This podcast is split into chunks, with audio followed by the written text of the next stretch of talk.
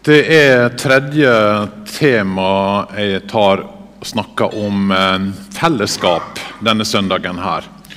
Og ut fra respons og kommentarer så er det tydelig at dette temaet det, det fenger oss, det engasjerer oss, det berører oss.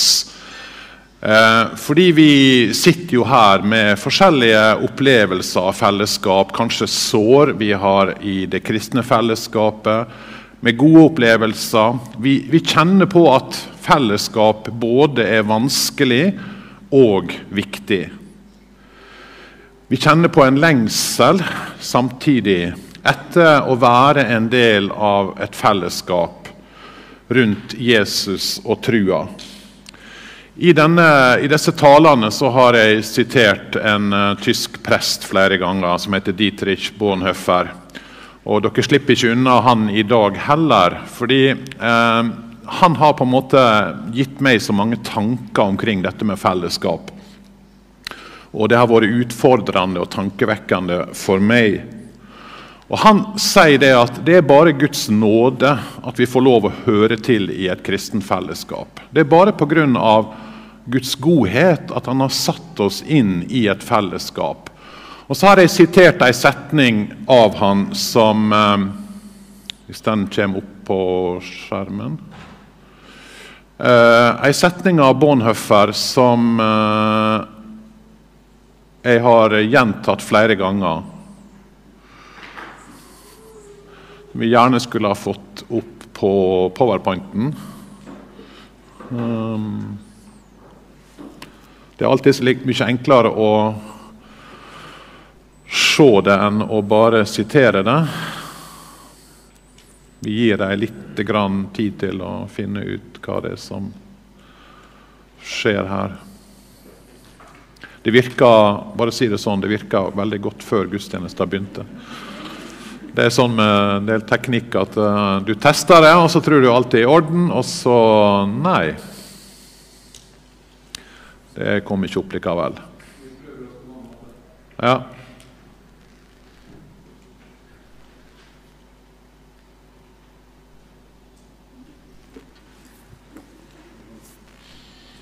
Der, ja. Han sier derfor tre, fordi Gud har gitt oss dette her av nåde, sier han, så trer ikke, vi, vi ikke kravfulle inn i fellesskapet med andre kristne, men takknemlige og mottagende. Vi beklager oss ikke over det Gud ikke gir oss, vi takker heller Gud for det Han daglig gir oss.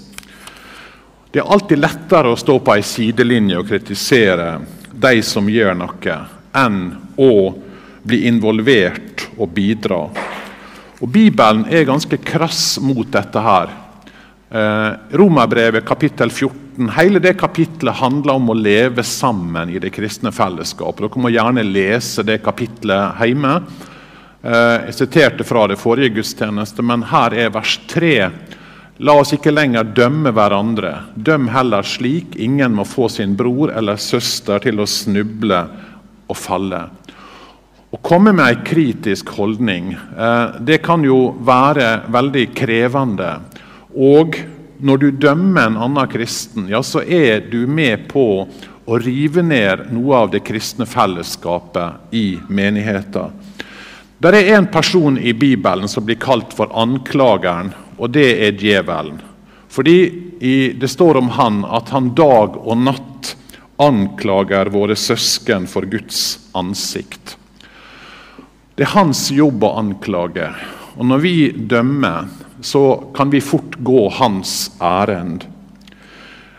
Et problem med kravfullhet, å gå inn i det kristne fellesskapet med kravfullhet og ikke med takknemlighet, det er jo at vi begynner å sammenligne oss med andre. Vi begynner å bli stolte og sjølsikre.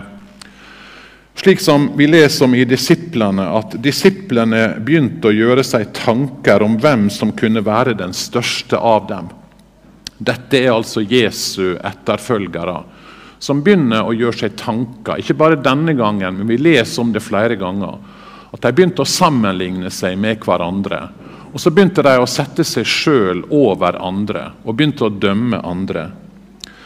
Bonhoeffer han sier om denne teksten kanskje tenker vi ikke nok på at ikke et eneste kristent fellesskap kan komme sammen uten at disse tankene med en gang dukker opp som splittelsens såkorn.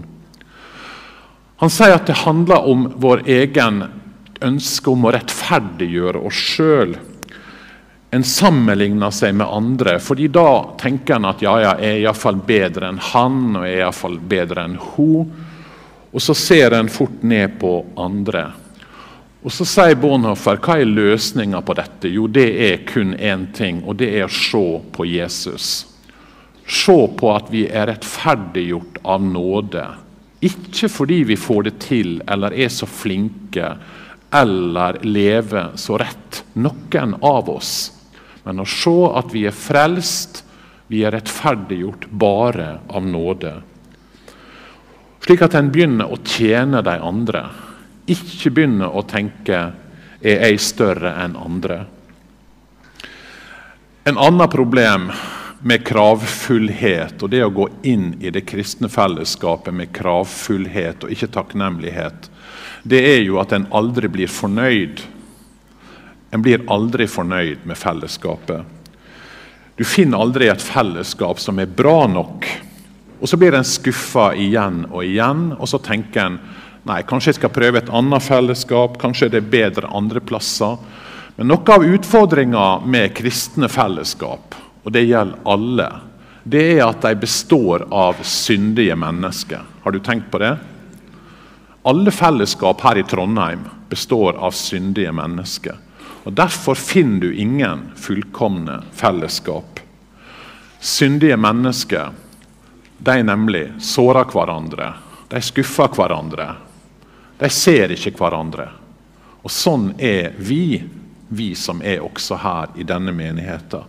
Og Derfor formaner Bibelen oss veldig tydelig til noe av det som Bornhøffer også utfordrer oss på.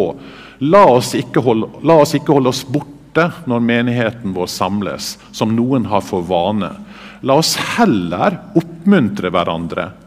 Så, det er så mye mer som dere ser at dagen nærmer seg. Istedenfor å kritisere, komme med en kritisk holdning, kom heller vær en del av fellesskapet og oppmuntre hverandre, sier Bibelen. Jeg skal innrømme at det av og til kan være gode grunner for å forlate et fellesskap. Det er ikke sånn at det er alltid dårlige grunner, men mange ganger så tenker jeg at kanskje hadde vi vokst mer på å bli Kanskje hadde vi vokst mer på å bli og takke for det Gud gir oss.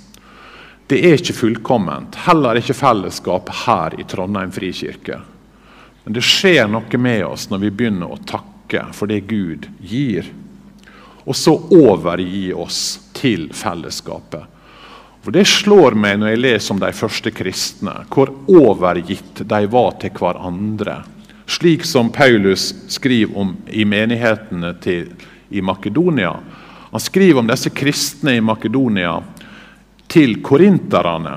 Og så sier han de ga ikke bare slik vi håpet, men de ga seg selv. Først til Herren, og så til oss, slik Gud ville det. Den setninga er en fantastisk setning. De ga seg selv, først til Herren. Ja, det er der det begynner med å gi seg sjøl, gi sitt liv, gi sine gaver, sin talent, sine evner over til Gud. Men så ga de seg til hverandre, til fellesskapet. Og Det er krevende. Det er klart det er krevende, og det er utfordrende å ha en sånn holdning. Men hvis vi skal tenke at vi skal bygge fellesskap, så vil det koste. Det vil være en investering. Det gjelder på det menneskelige plan, og det gjelder i kirka. En psykolog som heter Alan McGinnis, han sier at regel nummer én for å komme inn i et nært fellesskap Det, er, det lyder nesten for enkelt, men han sier det slik Gi topp prioritet til relasjonene dine. Gi topp prioritet til relasjonene dine. Hvis du skal inn i et fellesskap med andre, ja, så må du være villig til å gi. Individualismen som vi lever i, den sier jo at hva føler du nå? Føler jeg at dette fellesskapet er bra for meg, at jeg blir sett, eller det gir meg det jeg håper?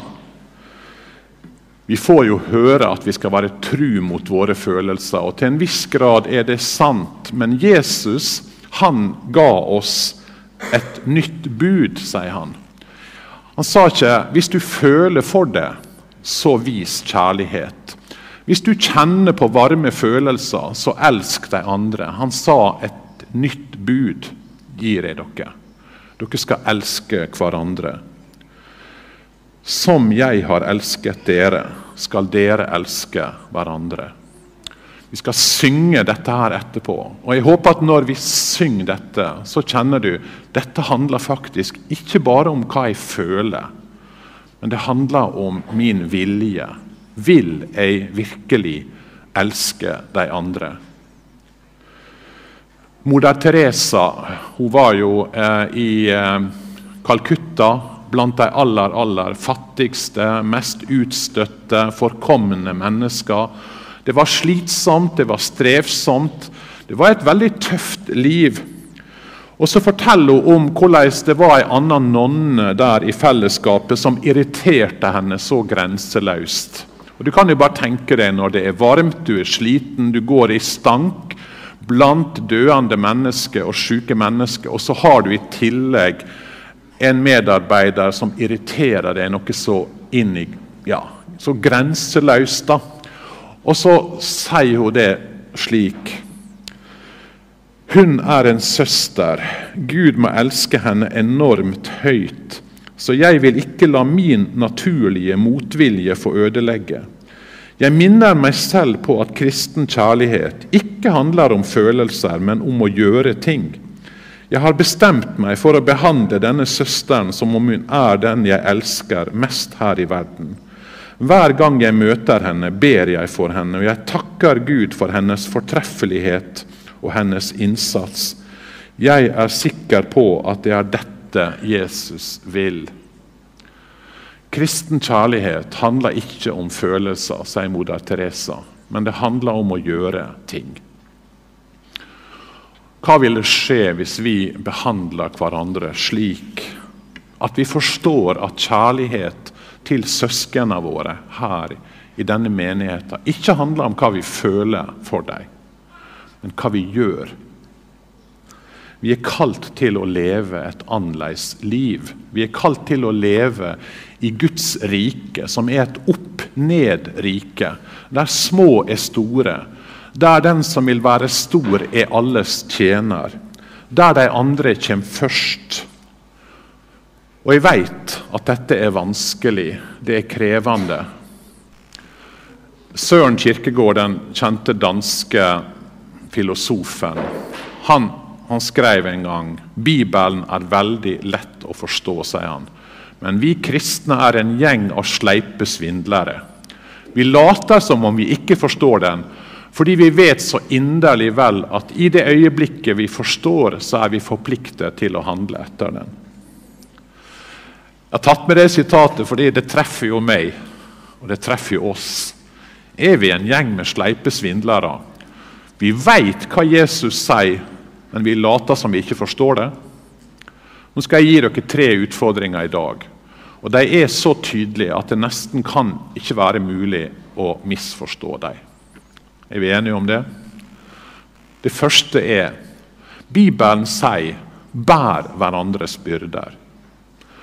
Det er, ikke, det er, ikke, sånn at det er sånn option, eller ja, de som liker å bære andres byrder, kan jo gjøre det. Nei, dette er sagt faktisk til deg og til meg.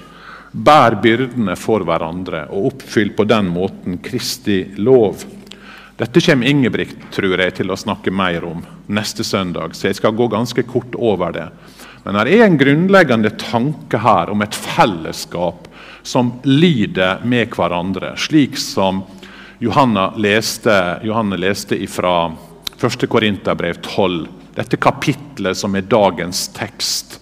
Der Paulus sier vi er en kropp, Og om ett lem lider, lider alle de andre med. Og om ett lem blir hedret, gleder alle de andre seg. Vi er en kropp, vi er et legeme, og da er det umulig å se på de andres problem som noe som ikke angår meg. Du kan ikke, hvis eh, tanna di verker, så kan ikke du si ja, dette er jo bare tanna som verker, jeg bryr ikke meg om det. Sånn sier Paulus det er med det kristne fellesskapet. Det angår alle lemmene. Men for at det skal skje i praksis, må vi komme nær hverandre. Nært nok til at vi ser og forstår når andre lider. Det er fint å snakke med hverandre på kirkekaffen, men det er ikke stedet der vi kan komme nært nok til at vi ser og veit hva byrde er det de andre bærer på. Og Derfor så ble det nevnt her middag for seks. En mulighet i høst til å bli kjent over et måltid. Kari og jeg var med på det i går kveld. Det var veldig veldig kjekt. Ikke bare å spise sammen, men å få høre litt fra folk som vi ikke kjente så godt. Litt om livet deres, hvem de var, hvor de kom fra, hvordan de hadde blitt kristne. Og Du begynte å dele litt av livet over et måltid. Bli med på middag på sex og bli kjent med noen, sånn at du kan være med og be for dem eller bære litt mer av byrdene. Vi har et tilbud. Bli med i ei lita gruppe.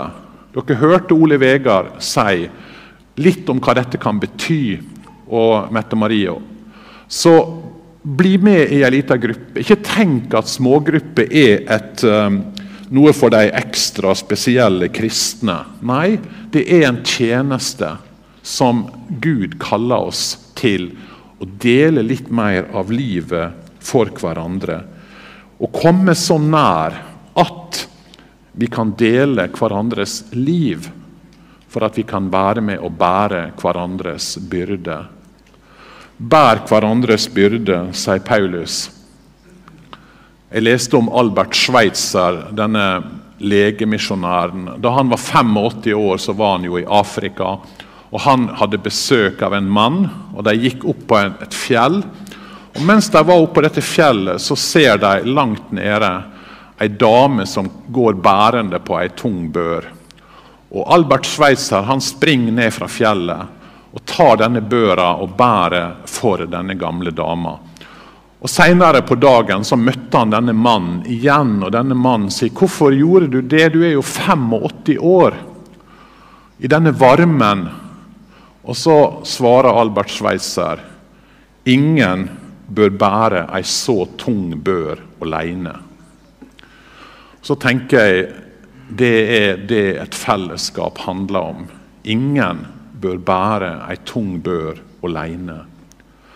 Og Dette får vi høre mer om neste søndag òg. Men det andre som jeg vil si om i dag Finn dine nådegaver og bruk dem i tjeneste i fellesskapet.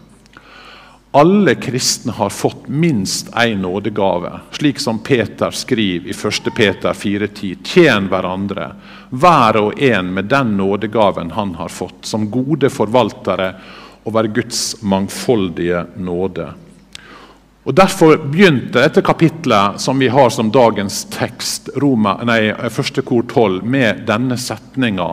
Når det gjelder Åndens gaver, søsken, vil jeg at dere skal ha kunnskap om dem. I den gamle oversettelsen så sto det når det gjelder nådegavene, så vil ikke jeg at dere skal være uvitende. Bibelen sier vi kan finne hva gave Gud har gitt oss, for så å ta dem i bruk i fellesskapet for å tjene Gud og hverandre. Hele kapittel 12 handler om dette her, som vi leste. Vi er én kropp vi er ett legeme. Og vi altså har hver sin oppgave. På samme måte som hvert lem på kroppen har sin funksjon, så har du og jeg en funksjon i fellesskapet. Og Det som ser lite ut, sier Paulus, det som blir forakta, er kanskje det viktigste. Og Nå skal jeg sitere Bonhoffer da, for siste gang, hvis noen begynner å bli lei. Men dette er aller siste gang. Bornhoffer. I et kristenfellesskap er alt avhengig av at den enkelte blir et uunnværlig ledd i en kjede. Bare der hvor det minste leddet er føyd fast inn, er kjeden ubrytelig. Et fellesskap som tillater lemmer å være ubenyttet, vil bryte sammen pga. disse. Derfor vil det være godt om enhver også utførte et bestemt oppdrag for fellesskapet. Når fristelsen kommer, vil han da vite at heller ikke han er unyttig og ubrukelig. Vi hører sammen, slik ei kjede hører sammen. Og, sier Bonhoeffer, det vil være nyttig om enhver utførte si oppgave. Vi hører sammen. Finn din plass, finn din tjeneste. For hva leste vi? Nå har Gud gitt hvert enkelt lem sin plass på kroppen slik han ville det. Og Da kan ikke lemma si ja, men 'jeg hører ikke til', eller 'det er ikke viktig', 'jeg har ikke bruk for dere'. Nei, tvert imot. De som synes å være svakest, er nødvendige. Vi er lemmer på hverandre. Men hva er min nådegave, sier du kanskje. Jeg veit ikke det. Da har jeg faktisk eh, en god nyhet til deg i dag. For 200 kroner så kan du finne det ut. Nei da, det er ikke så enkelt. Men vi har hatt et lite kurs eh, i menigheten for halvannen uke siden om dette med nådegave. I den forbindelse så har vi kjøpt inn ei bok som heter 'Nådegavenes tre farger'. Som forteller om hvordan finne mine nådegaver. Og som i den bakerste delen har ei side om hver nådegave som de mener vi finner i Bibelen. Det er ikke noe bestemt tall på nådegave. Noen sier 25, noen sier 30. Det er ikke så farlig, men her vil du finne informasjon om dette. her.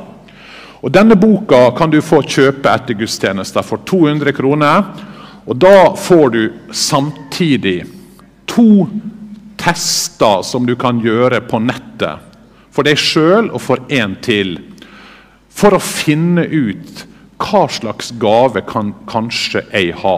Den testen er en test der du fyller ut et spørreskjema.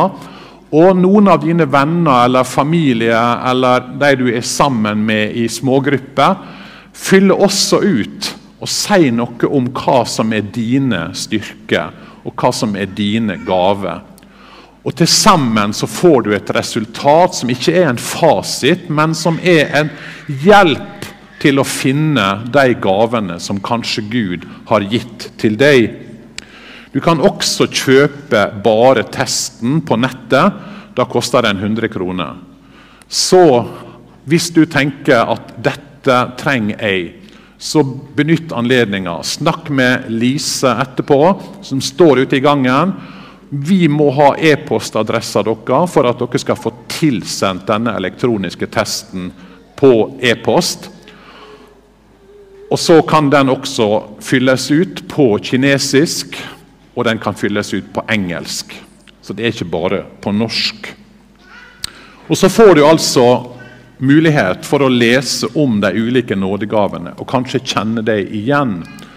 Og så skal vi ha en kveld 14. oktober, skal vi være sammen her i kirka for å snakke litt om hvordan fungerer disse gavene og hvordan kan vi bruke dem?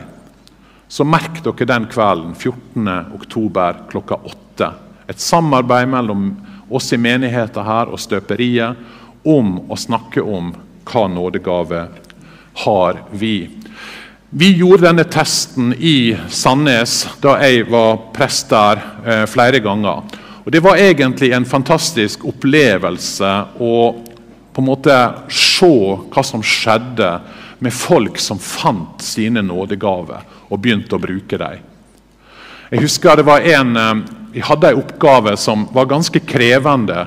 Som var der Hver gang vi hadde gudstjeneste, annenhver søndag, så var det en praktisk oppgave som var usynlig for alle.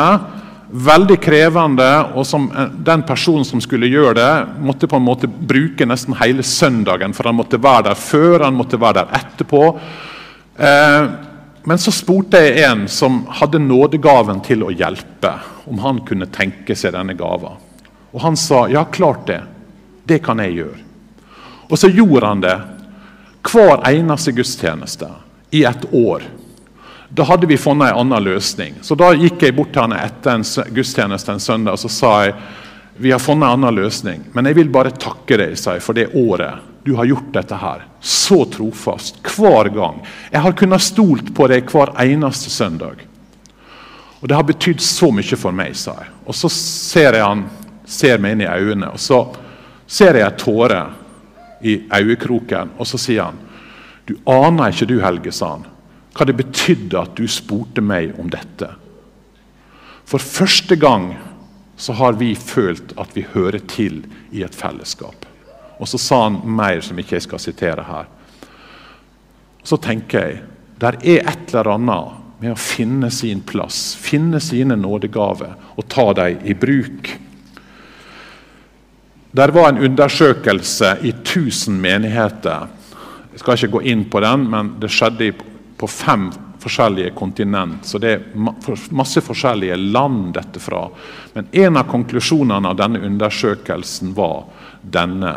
Vi oppdaget at det trolig ikke er noen faktor som betyr så mye for kristnes livsglede og trivsel som at de kan tjene på områder som stemmer overens med det de har gaver til. Tjen hverandre. Finn din nådegave og ta den i bruk.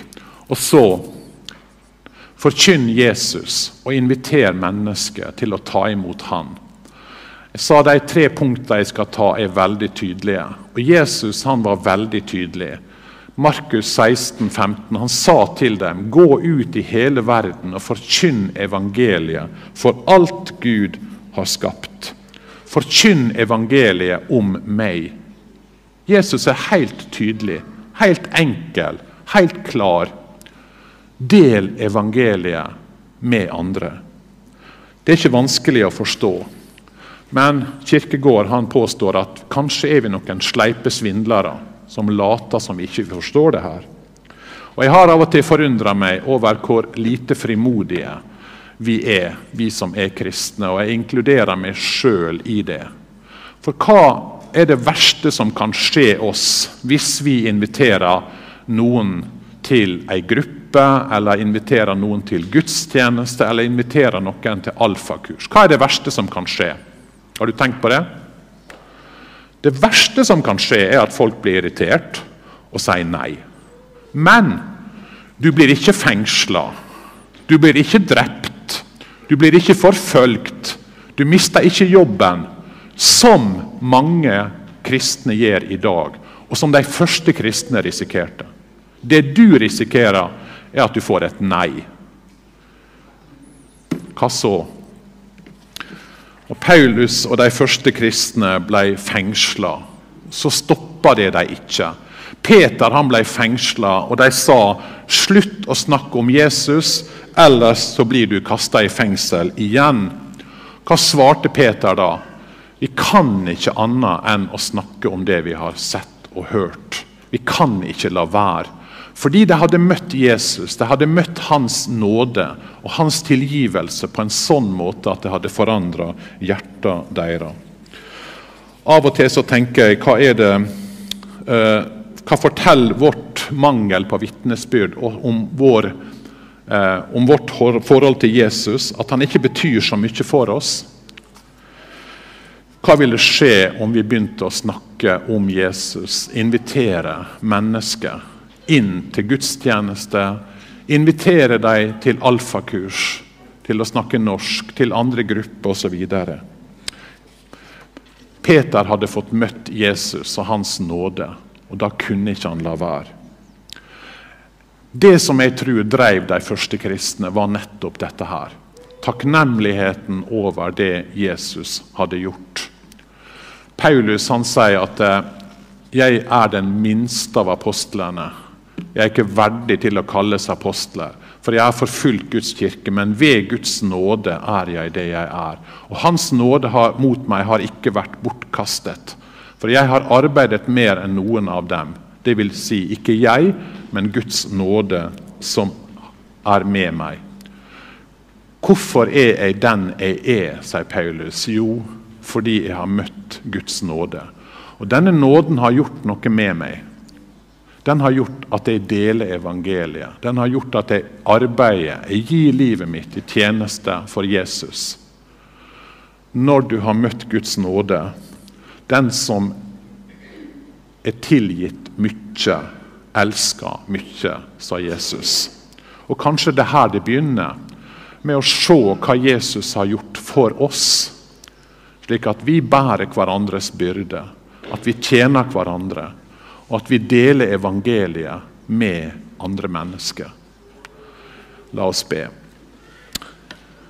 Jesus, jeg ber om at vi skal få se mer av din nåde, av din godhet. At du har frelst oss, tilgitt oss, satt oss fri. Og at du har satt oss inn i et fellesskap med andre kristne. Slik at vi kan tjene deg og tjene hverandre i takknemlighet. Amen.